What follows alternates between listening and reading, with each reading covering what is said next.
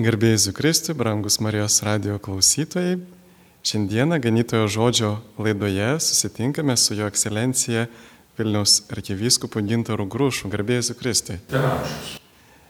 Aš prie mikrofono kunigas Sigitas Jurkštas ir šiandien jau visai ruošiamės Kalėdoms, tai nuostabiausiai šventijai ir ją turbūt vis tiek reikia vis iš naujo atrasti kiekvienais metais, kaip jūs ruošitės šventoms kalėdoms pats asmeniškai? Pasirengimas yra iš tikrųjų dviejopas. Vienas yra tas išorinis pasirengimas, kurio ne vienas iš mūsų neišvengiam, tiek sveikinimų pasirašyme, dovanų pirkime. Jums turbūt reikia kokių gal tūkstantį sveikinimų pasirašyti ar maždaug panašiai. Mažinom, mažinom, dabar daugiau elektroniškai siunčiam ir taupyti gamtą, ir, ir darbus, bet nemažai jų yra bet šalia tų kalėdinių pasirengimų yra kalbų, interviu kaip ir šitam, pamokslams nemažai pasirengimų.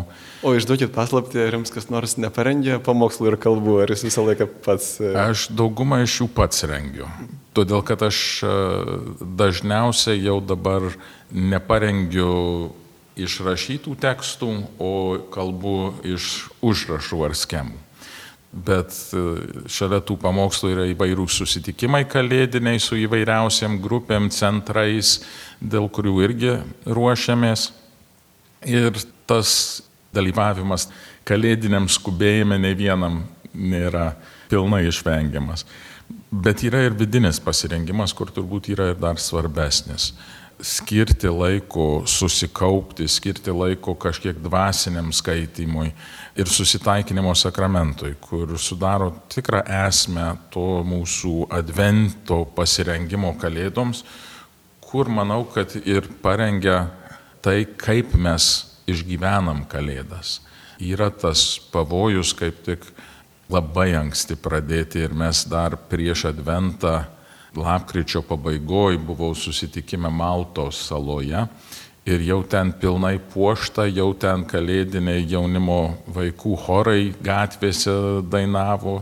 Panašiai kaip oro uostas sako, kad kuo anksčiau įleidi keliaivius, tai tuo jie daugiau gali nusipirkti. Čia kuo, kuo anksčiau pasirašys šventėms, tuo jie daugiau gali visko nupirkti. Taip, taip ir yra, pasidarė labai komercinis aspektas, bet tai netima to, kiek mes savo vidinį pasirengimą kiek laiko mes skiriam, kiek pastangų, nes iš to iš tikrųjų išauga tikras kalėdinis džiaugsmas. O ką jums asmeniškai reiškia šventos kalėdos? Tai yra mūsų išganimo matomoji pradžia. Toks konkretumas ir tuo pačiu slėpinys. Jėzus, kuris jau savo misiją šioje žemėje matomai pradeda. Žinom, kad apsireiškime Marijai iš tikrųjų pradžia konkreti tos misijos prasidėjo, bet dar nematoma. Bet kaip mes išgyvenam tą ir kaip aš pats išgyvenu tą, keičiasi su laiku. Ir tai nėra keista. Mes patys patiriam keitimą, supratimo, kaip mes švenčiam savo gimtadienius. Kaip švenčiau gimtadienius, kai buvau mažas vaikas, kai buvau paauglys, kai buvau jau studentas o vėliau jau su kiekvienu dešimtmečiu turbūt kitaip švenčiame savo gimtadienius ir kuo toliau turbūt daugiau refleksijos negu tik šventimo. Panašiai, manau, kad kaip patiriam Kalėdų šventimą, irgi keičiasi mūsų gyvenimuose. Panašiai irgi su šventų raštų skaitimu arba su maldom. Gali tą pačią maldą kalbėti kasmet, Bet todėl, kad pats keitiesi, tai ir maldo žodžio, ir švento rašto ištrauka keičiasi, kaip ją išgyveni, patiri. Tai taip ir su kalėdom. Vaikystėje tai buvo dovanos ir vaišės, ir stalai. Jaunystėje turbūt tas pats. Tapęs kunigu, man atrodo, kad e, drastiškai pasikeitė išgyvenimas. Nors dar būdamas kunigu, tai turėdavau tą tarpą tarp Kalėdų savaitę, kur e, nusimdavau kažkokiam rekolekcijom, tai dar kitaip išgyveni, kažkur reikėdavo padėti seserų vienuolynų, nes visada trūksta kunigų vienuolėms švesti, nes kunigai užimti, tai turėjau tokias pareigas, kur galėjau ir sauliaisti, ir patarnauti. Tai nemažai švenčių tokių būdavo vienuolynuose, tada vėliau ieškodavau progų, kai jau tėvai pradėjo sensti ir reikėjo daugiau pagalbos, tai bandydavau nuskristi, aplankyti tėvus kalėdoms, kai galėdavau, jau po kalėdų dienos, bet tame tarpe. Ir e, tapęs vyskupu visai pasikeitė. Daug giliau išgyveni, bet ir reikalavimai mano kasdienio gyvenimo, advento ir kalėdų nemažai skiriasi, susitikimai, sveikinimai, bet tuo pačiu ir teologinis išgyvenimas, man atrodo, religinis, dvasinis, vis gilesnis. Tai aš nemanau, kad tai tiek su viskupystės pareigos, bet gal su metais. Ir man atrodo, kad kaip mes išgyvenam, gal net ir glaudžiau, sakyčiau, priartinama Kalėdų ir Velykų slėpinys. Kad tai iš tikrųjų yra vienas išganimo momentas, kur laike atskirtas ir tuo pačiu su amžiumi metai atrodo greičiau sukasi ir tos dvi šventės priartėja viena prie kitos, ne tik išgyvenimų, bet ir supranti tą gilę dvasinę ne tik reikšmę, bet ir junginį tų švenčių išganimo istorijoje. O kaip jūs e, klausytojams patartumėt gerai pasiruošti kalėdoms, nes minėjot, kad tam reikia tokio pasiruošimo, nes iš tiesų, kai nepasiruoši, tai tiesiog ateina to šventės ir praeina, dar kol esi vaikas, tai visai kitaip jų laukia, tai yra šeimos šventė, o kai esi jau vyresniam amžiai, dažnai ir ypatingai gal vienišiems žmonėms tai kartais net ir būna tokia ir, ir liūdėsio šventė, kad tu esi vienas, bet va, kaip pasiruošti kitiems patartumėt? Turbūt svarbiausiai yra nepasimest visuose išoriniuose darbuose, nepamesti šventės esmės. Mes turime tą visada problemą, kad per darbus mes galime pamesti esmę reikalo. Ir tai ne tik švenčių klausimas. Mokytojai, kur jie dirba su vaikais, turi tiek daug rūpeščių, tiek daug dalykų turi pasirengti, paruošti, kad pagunda yra tuose dalykuose pasimesti ir nematyti vaiko prieš akį. Tas pats pavyzdžiui ir medikams, kurie daug rūpeščių turi, ir turi samoningai prisiminti, kad jie su žmogum, su tuo pacientu dirba. Politikai gali pasimesti politikavime ir pagunda yra, kad galima prarasti iš akių, kad jų tarnystė yra rūpintis bendruoju gėriu visuomenės, o ne tik rinkimais. Ir čia irgi yra tas pavojus ir lygiai tas pats šeimose motina ir tėvas gali taip kasdienybę paskesti, kad ne tik nemato savo vaikų kaip po esminio gėrio, bet praranda tą žvilgsnį vienas kitam į akis ir savo santykį sunkiau išlaiko. Manau, kad todėl ir daug skirybų. Tas pats ir per Kalėdas mes turim tiek daug įvairių lakstymų, ar tie sveikinai, ar dovanėlės, ar, ar vaišių rengimas, kad pavojus yra prarasti esmę šventės ir tai yra mūsų tiesioginis santykis su Jėzumi, asmeninis santykis su naujagimiu. Ir todėl taip svarbu skirti laiko tam vidiniam pasirengimui, maldai, dvasiniam skaitimui, susitaikinimo sakramentui. Tai yra būtina, kad galėtumėm išlaikyti asmeninį santykį, į kurį mes esame kviečiami. Tai tiek mūsų kasdienybėje, tiek ir Kalėdų šventėje, bet sugebėję tą užmėgsti ar atnaujinti santykį su Jėzaus asmeniu per Kalėdų šventės, toliau per Kalėdų savaitę, per Kalėdų laikotarpį ir, ir dar toliau vis bandyti gilinti, kaip ir turėtumėm daryti savo šeimose, su tais, kurie yra šalia. užmėgsti kontaktą, meilės kontaktą ir gilinti. Ir tas laiko skirimas Jėzui yra vienintelis būdas, kur mes tikrai tą galim padaryti. Ir čia turbūt ir iškyla Kalėdų giliausias supratimas, kad Jėzus per savo gimtadienį, per Kalėdas, mums dovanoja pats save. O mes kaip po jo gimtadieniui turėtumėm panašiai jam dovanoti patį save, santykį su mumis. Ir tas savęs atidavimas, dovanojimas yra ir didžiausia kalėdinė dovana, kur mes galim duoti. Ir to, ko Jėzus labiausiai nori. Tas troškimas mūsų meilės yra tas troškimas, kurį jis įvardyja kabodamas ant kryžiaus trokštų. Ir turime per Kalėdas vis prisiminti, ko jis labiausiai norėtų Kalėdoms, tai yra mūsų pačių, mūsų širdžių, mūsų meilės ir mūsų išganimo. Ir aš galvoju, turbūt e, Kalėdų šventės, kaip ir kitos šventės, jos siejasi su sekmadienio švente arba tuo žydų šabu ir su trečiu Dievo įsakymu - šventadienį švesk.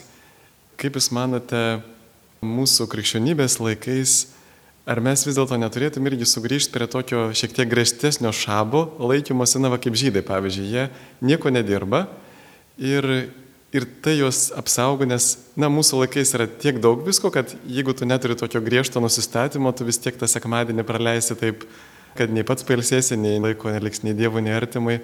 Vis tiek turbūt kažkokio tai reikia va to tokio žydiško atsiribojimo nuo darbų per šventes. Ypatingai mūsų laikų žmogui, kuris kenčia nuo tokio pertekliaus visko, ypatingai darbų.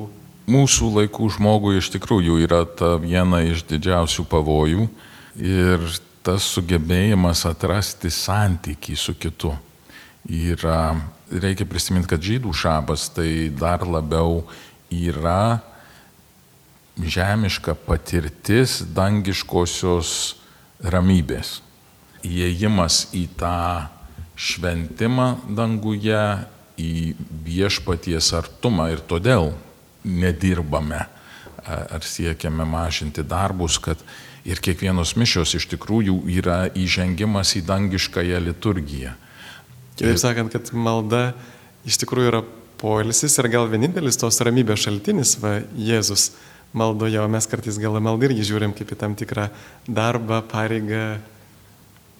Nesenai girdėjau tokį pasakojimą, kai viena vienuolė daug meldžiasi ir daug ražančių kalba ir, ir kalba ir kalba ir kalba ir ten pasirodo Dievo motina ir ta pasididžiuodama, kad labai daug maldų sukalbėjo, gavo atsakymą, žinai, būtų geriau vieną sveiką Mariją sukalbėti, bet iš širdies. ir tai yra tas mūsų skubėjimo noras, net ir gerus dalykus darant, yra bandymas Dievo sugrįžti į tą santykį su mumim. Ne kad mes jam daug gerų dalykų būtumėm padarę. Kokiomis aktualijomis jūs šiuo metu gyvenate? Nestokoja tų aktualijų. Pirmas priešaky visada yra malda už taiką. Ukrainos padėtis ir karas tenai, Izraelio ir Palestinos konfliktai. Tas turbūt malda stiprina tą, kad teko per pastarosios savaitės turėti kontaktų tiek su bažnyčios atstovais iš Ukrainos, tiek ir su kardinolu Pizzabala nors nuotoliniu, bet pasidalinimas jų patirčių ir ne tik ir televizijos vaizdai, kur visus mus šokiruoja. Tai popiežiaus tas kvietimas melstis už taiką, nepasiduot melstis to stebuklo už taiką. Kitas dalykas tai sinodo kelias. Užbaigėm spalio mėnesį sinodo vieną etapą, dabar esame tarp dviejų sesijų sinodo ir ką tik gavome naujas nuorodas iš sinodo tarybos, kaip dabar per šiuos metus, per šį pusmetį tiksliau sakant, nes jau gegužės mėnesio lauks kažkokių, tai su vyskupais pradėsim dar iki naujų metų turėsim trumpą susitikimą, pažiūrėti, kaip sekančius žingsnius čia Lietuvoje vykdyti, tai tas irgi prieš akį. Dabar dirbame ir tarptautiniu mastu, ieškome gerųjų praktikų čia pasiimti į Lietuvą dėl nepilnamečių apsaugos, nes kitos vyskupų konferencijos turi daugiau patirties. Žiūrime su jų ekspertais, kalbamės, ką mes galim padaryti, kad tikrai nepasikartotų ir apsaugot savo vaikus, savo nepilnamečius. Iš kitos pusės man dar yra Europos vyskupų konferencijos reikalai, ką tik mes Maltoj susitinkę plenariniam posėdį, pirmininkai nusprendė perkelti sekretoriatą Europos vyskupų konferencijos tarybos iš Šveicarijos St. Galan į Romą. Tai dabar ypač bandysim per pirmus keturis mėnesius naujų metų tą visą perkelimą padaryti.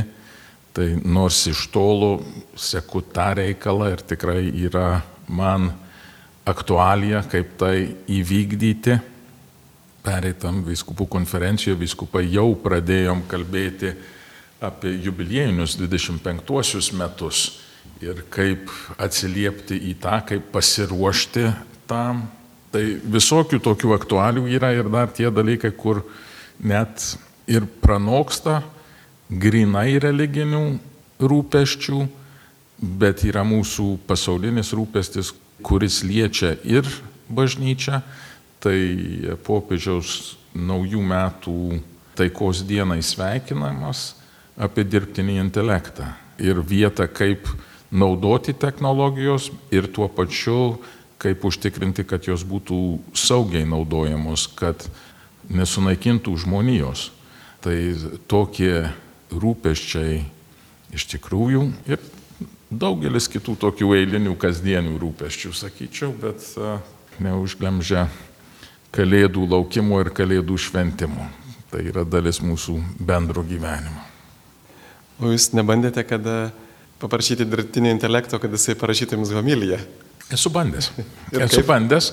Nenaudočiau. Keletą minčių duoda visai taip stebėsi ant kaip greitai tas visas, bet vienas iš pirmųjų dalykų, ta pati mintis atėjo įdomu, kaip truputį sausai, bet manau, kad ir ta tobulės, jaučiasi kažkiek bedvasios. Teko girdėti, kalbant apie informacinės technologijas, vienas toks tyrimas buvo padarytas, kad daugiausia įvairių saugumo spragų yra būtent bažnytinėse svetainėse, nes bažnyčioje dažnai dirba toje srityje savanoriai ir jie padaro tos dalykus informacinius nekokybiškai. Ir tada bažnyčia labai dažnai atsilieka toj informacinių technologijų srityje, kur galėtų pasiekti jaunimą, kuris neteina į bažnyčią, bet ten mirksta tuose internetiniuose tinkluose. Ir ar turit kokiu nors planų, kaip bažnyčia galėtų daugiau investuoti į šitą internetinę sritį? Man atrodo, kad sinodas jau tą pradėjo gan plačiai daryti. Nežinau, ar kai jūs kalbate, tai turbūt apie bažnytinius tinklapius. Kur dabar sinodas tai yra kreipęsis į katalikus, katalikišką jaunimą, kur jie jau yra influenceriai, jau valdo technologijas, tai neturėtų bažnyčia kaip po institucija kurti tuos, o tie patys influenceriai, kur turi ir, ir dalyvavo du iš tų kaip nariai sinodo procese ir dalyvau sekantį spalio mėnesį, jau keli šimtai tam sinodiniam kelyje, sakyčiau, skaitmeniniam sinode dalyvavo ir jie tą misiją yra tikrai ir ruošiasi toliau tą vykdyti. Tai naudojimas technologijos iš tikrųjų nebūtinai yra, sakyčiau, parapijiniam ar vyskupiniam lygmenyje ir tas peržengia bet kokią parapiją ir bet kokią vyskupiją. Amerikoje tą tarnystę tikrai skaitmeniniai erdvėjai labai kunigas dabar vyskupas Robert Barron yra išvystęs labai plačiai ir daug pasiekę. Amerikoje yra Halo, kur yra programa, kuri kviečia naudoti skaitmeninę technologiją, įvesti žmonės į maldą, ypač jaunimui. Ir jie buvo viena iš sponsorių, kai vyko jaunimo dienos Lisbonė pasaulinės. Tai visiems parūpino vandens plastikinius konteinerius, kad galėtumėm buteliukus.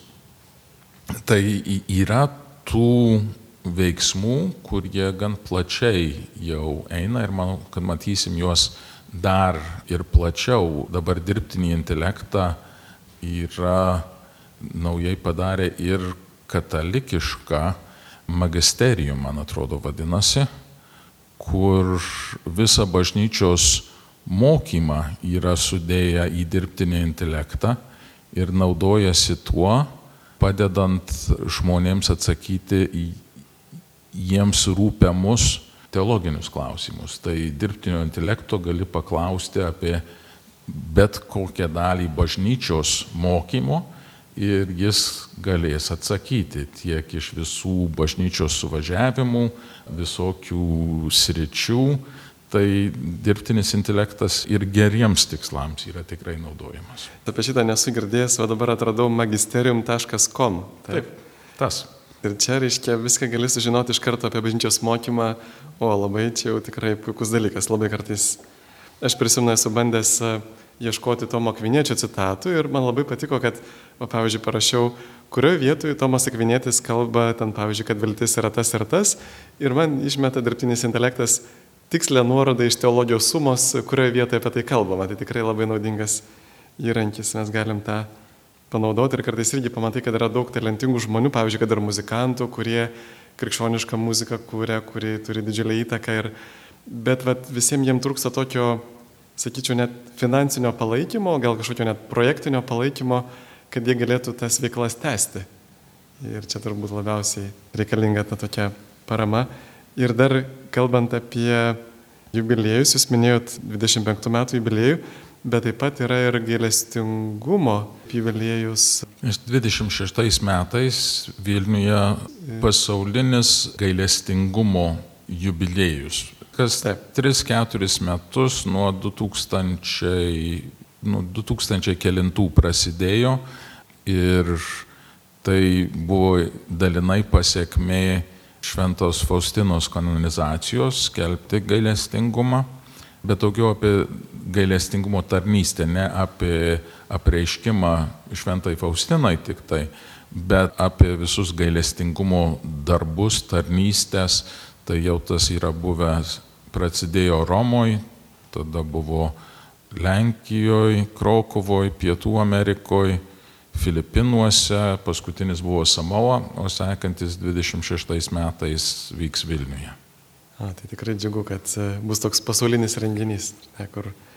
Ir dar viena iš aktualijų yra tas Izraelio ir Palestinos konfliktas, kuris taip sukelia įvairiausių vertinimų ir atrodo, kurie čia teisūs, kurie neteisūs ir tokia sukelia net naują antisemitizmo, atrodo, bangą. Kaip jūs vertiname tą konfliktą ir kaip katalikai turėtų vertinti? Visus konfliktus vertinu blogai. Yra pralaimėjimas visiems ir bandymas atrasti tik tai, kad kažkas kaltas ir kitas visai nekaltas, nemanau, kad yra. Šioje situacijoje Izraelio ir Palestinos įtampos jau ne dešimtmečiai skaičiuojama. Ir... Net šventajame rašte su Palestinais nuolat kaudavosi.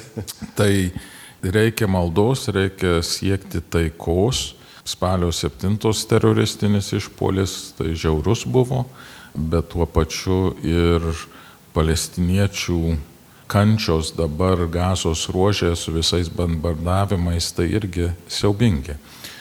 Ir diplomatiniam lygmenį nematau lengvo arba gero sprendimo, toks, kuris būtų pastovus, Todėl kaip ir Ukrainai, man atrodo, kad ir, ir šventą žemę reikia melstis to stebuklo taikos, taikos stebuklo. Nes kartais tik viešpats išsprendžia mums šituos dalykus. O kaip manote, ar katalikai turėtų ir galėtų remti iniciatyvas kaip ten įvairių tų kovinių dronų pirkimai, kaip Blue Yellow organizacija, kur jos kartu ir padeda žmonėms humanitariškai, bet kartu ir padeda kariuomeniai įvairių dalykų, kartais net ir ginklų pirkdami. Ar mes galim va, tokiu būdu remti, nes kai kurie katalikai jaučia sąžinės priekaištą, kad jeigu mano pinigai nueis ginklų pirkimui ir žudimui, tai aš negaliu tam skirti pinigų paramos. Čia yra kiekvieno kataliko sąžinės klausimas iš tikrųjų. Ukrainos situacija yra pakankamai unikali, nes vienas yra kas puola ir kiti yra, kur ginasi savo namus, savo šeimas, ar galima padėti kitam apsiginti nuo neteisėto agresoriaus, vienreiškiškai taip. Ir net yra pareiga. Nereikia. Čia panašiai kaip ir savo tėvynę ginti būtų tas. Ir savo tėvynę, ar net ne nacionaliniam lygmenį, kas nors puola tavo kaimyną. Ir tu gali padėti ir, ir privalai padėti, apsaugoti žmogų, kuris yra gatvėje užpultas, pavyzdžiui. Ir todėl šitas klausimas irgi ne visada balta juoda, bet e, tą reikia apmastyti, kaip mes galim padėti. Yra įvairių būdų, galima padėti ir neginkluotę pasipriešinimą ir ten yra daug mūsų karitas, pavyzdžiui, labai daug pinigų per pastaruosius metus surinko iš tikinčiųjų, kurie norėjo padėti ukrainiečiams, migrantams, pabėgėliams, kurie prarado savo namus, savo šeimas, šeimos narius. Todėl yra tų įvairių būdų, kaip mes galime padėti, bet padėti žmogui apsiginti savo tėvynę, tai irgi įeina į tą, ką krikščionis gali daryti. Na ir dar tokio klausimo norėjau jūsų paklausti, kokią knygą galėtumėte rekomenduoti klausytojams paskaityti per Kalėdas? Visada ruošiuosi rekomenduoti šventą įraštą. Tai yra pirma ir esminė knyga, kuri kaip ir tos kalėdos, kiekvieną kartą, kai perskaitai, kitaip paskaitai, kitaip. Aš pavyzdžiui, per šią gavėnę klausiausi keletą knygų ir vieną tai nesakyčiau net knygą, bet jinai yra apie studijas, apie psalmes. Ir nors ten esu baigęs mokslų, teologijos ir mes skaitėm ir salmes, ir studijas apie salmes, kiekvienas turi savo naują žvilgsnį ir į tą visą išganimo slėpinį.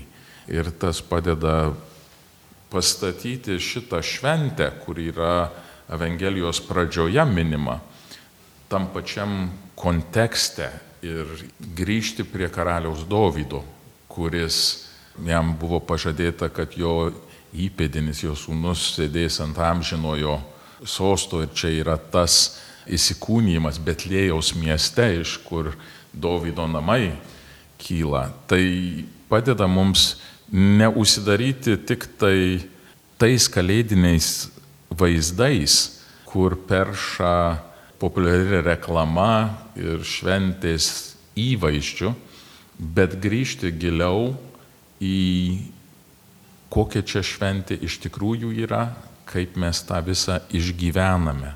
Kita knyga, kur grįžau vėl perskaityti ir gal čia daugiau konteksto sudėjimas ir priminimas mūsų pasaulio raidos, tai liuviso žmogaus sunaikinimas. Ir kokia iš tikrųjų yra žmogaus misija ir vėl išganimo raidos svarba mūsų besikeičiančiam pasauliui duoda žmogui savo tapatybę sugražina, kad vis dėlto mes nesam tik tai naujovių įkūrėjai ir ne mes kūrėme savo esminę tapatybę, bet ji yra žmonijai duota. Ir todėl Dievas ne tik sukūrė, bet ir išgelbsti žmoniją savo įsikūnymu, mirtimi ir prisikėlimu. Tai švenčiant tą įsikūnymą, platesnis kontekstas yra labai naudingas.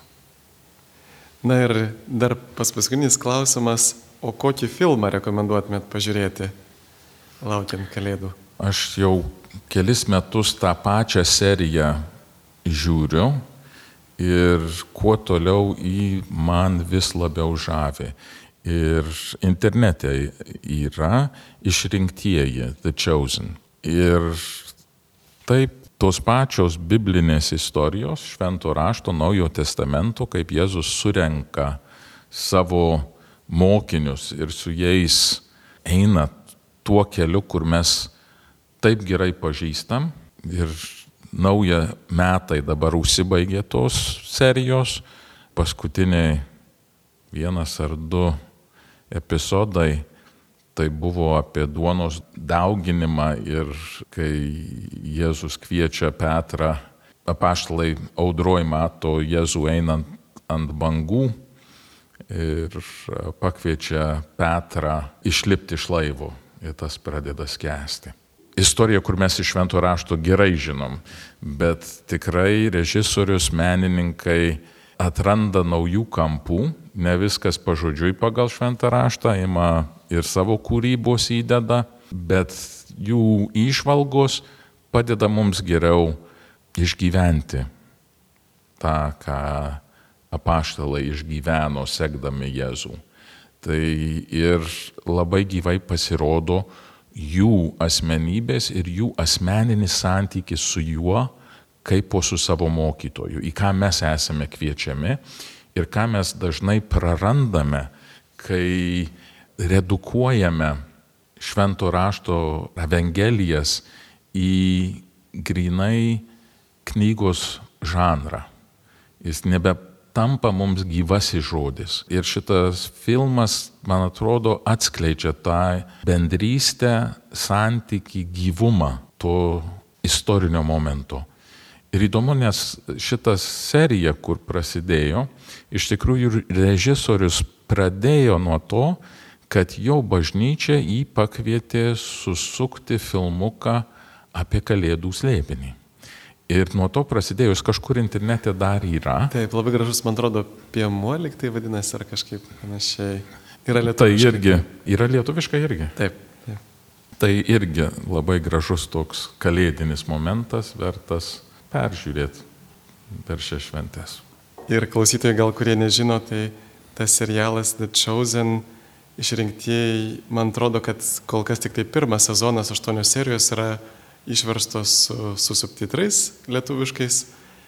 Ir aišku, žada išversti ir garsinti, galbūt ateityje ir lietuvių kalbą, bet tų sezonų irgi atrodo bus ar ne septyni. Jo, berots aštuoni jau baigė, bijau pasakyti, trečią turbūt. Trečią turbūt pabaigė, taip, tai tikrai. Tai dar, dar yra ko laukti ir filmas yra aukomis remiamas, kas yra unikalus dalykas, kad tokia serija, kurios kainuoja milijonus, jie privačiai žmonių aukomis, kad jie galėtų skleisti gerąją naujieną. Tai net iš evangelizacinio taško labai unikalus projektas, kurį manau, kad turėjo didelį pasisekimą. Gerbiamas arkiviskupą, dėkoju už jūsų skirtą laiką, už pasidalinimus, kad raginote va, iš tikrųjų skirt laiko Jėzui pasiruošti šventoms kalėdoms, kad e, tikrai nebūtų vien tik tai išorinė šventė, bet tas gyvas tikras susitikimas su Jėzumi, mūsų mokytoju, nešančiu viltį. Gerbiami radio klausytojai, kalbėjome su Vilniaus arkivyskupu, jo ekscelencija Gintoru Grušu, kalbinu aš kuningas Sigitas Jurkštas ir dar paprašytume pabaigai palaiminti klausytojus. Pirmiausia, dar palinkėsiu visiems džiaugsmo ir ramybės, kupino susitikimo su Jėzumi per šias kalėdas. Jis ateina dėl mūsų, kad mūsų džiaugsmui nieko netrūktų. Viešpat su jumis. Ir su tavimi. Garbė viešpaties vardui. Dabar ir per amžius. Te padeda mums viešpats. Dangaus ir žemės kuriejas. Te laimina jūs visagalis Dievas, Tėvas ir Sūnus ir Šventoji Dvasia. Dėkojame Dievui.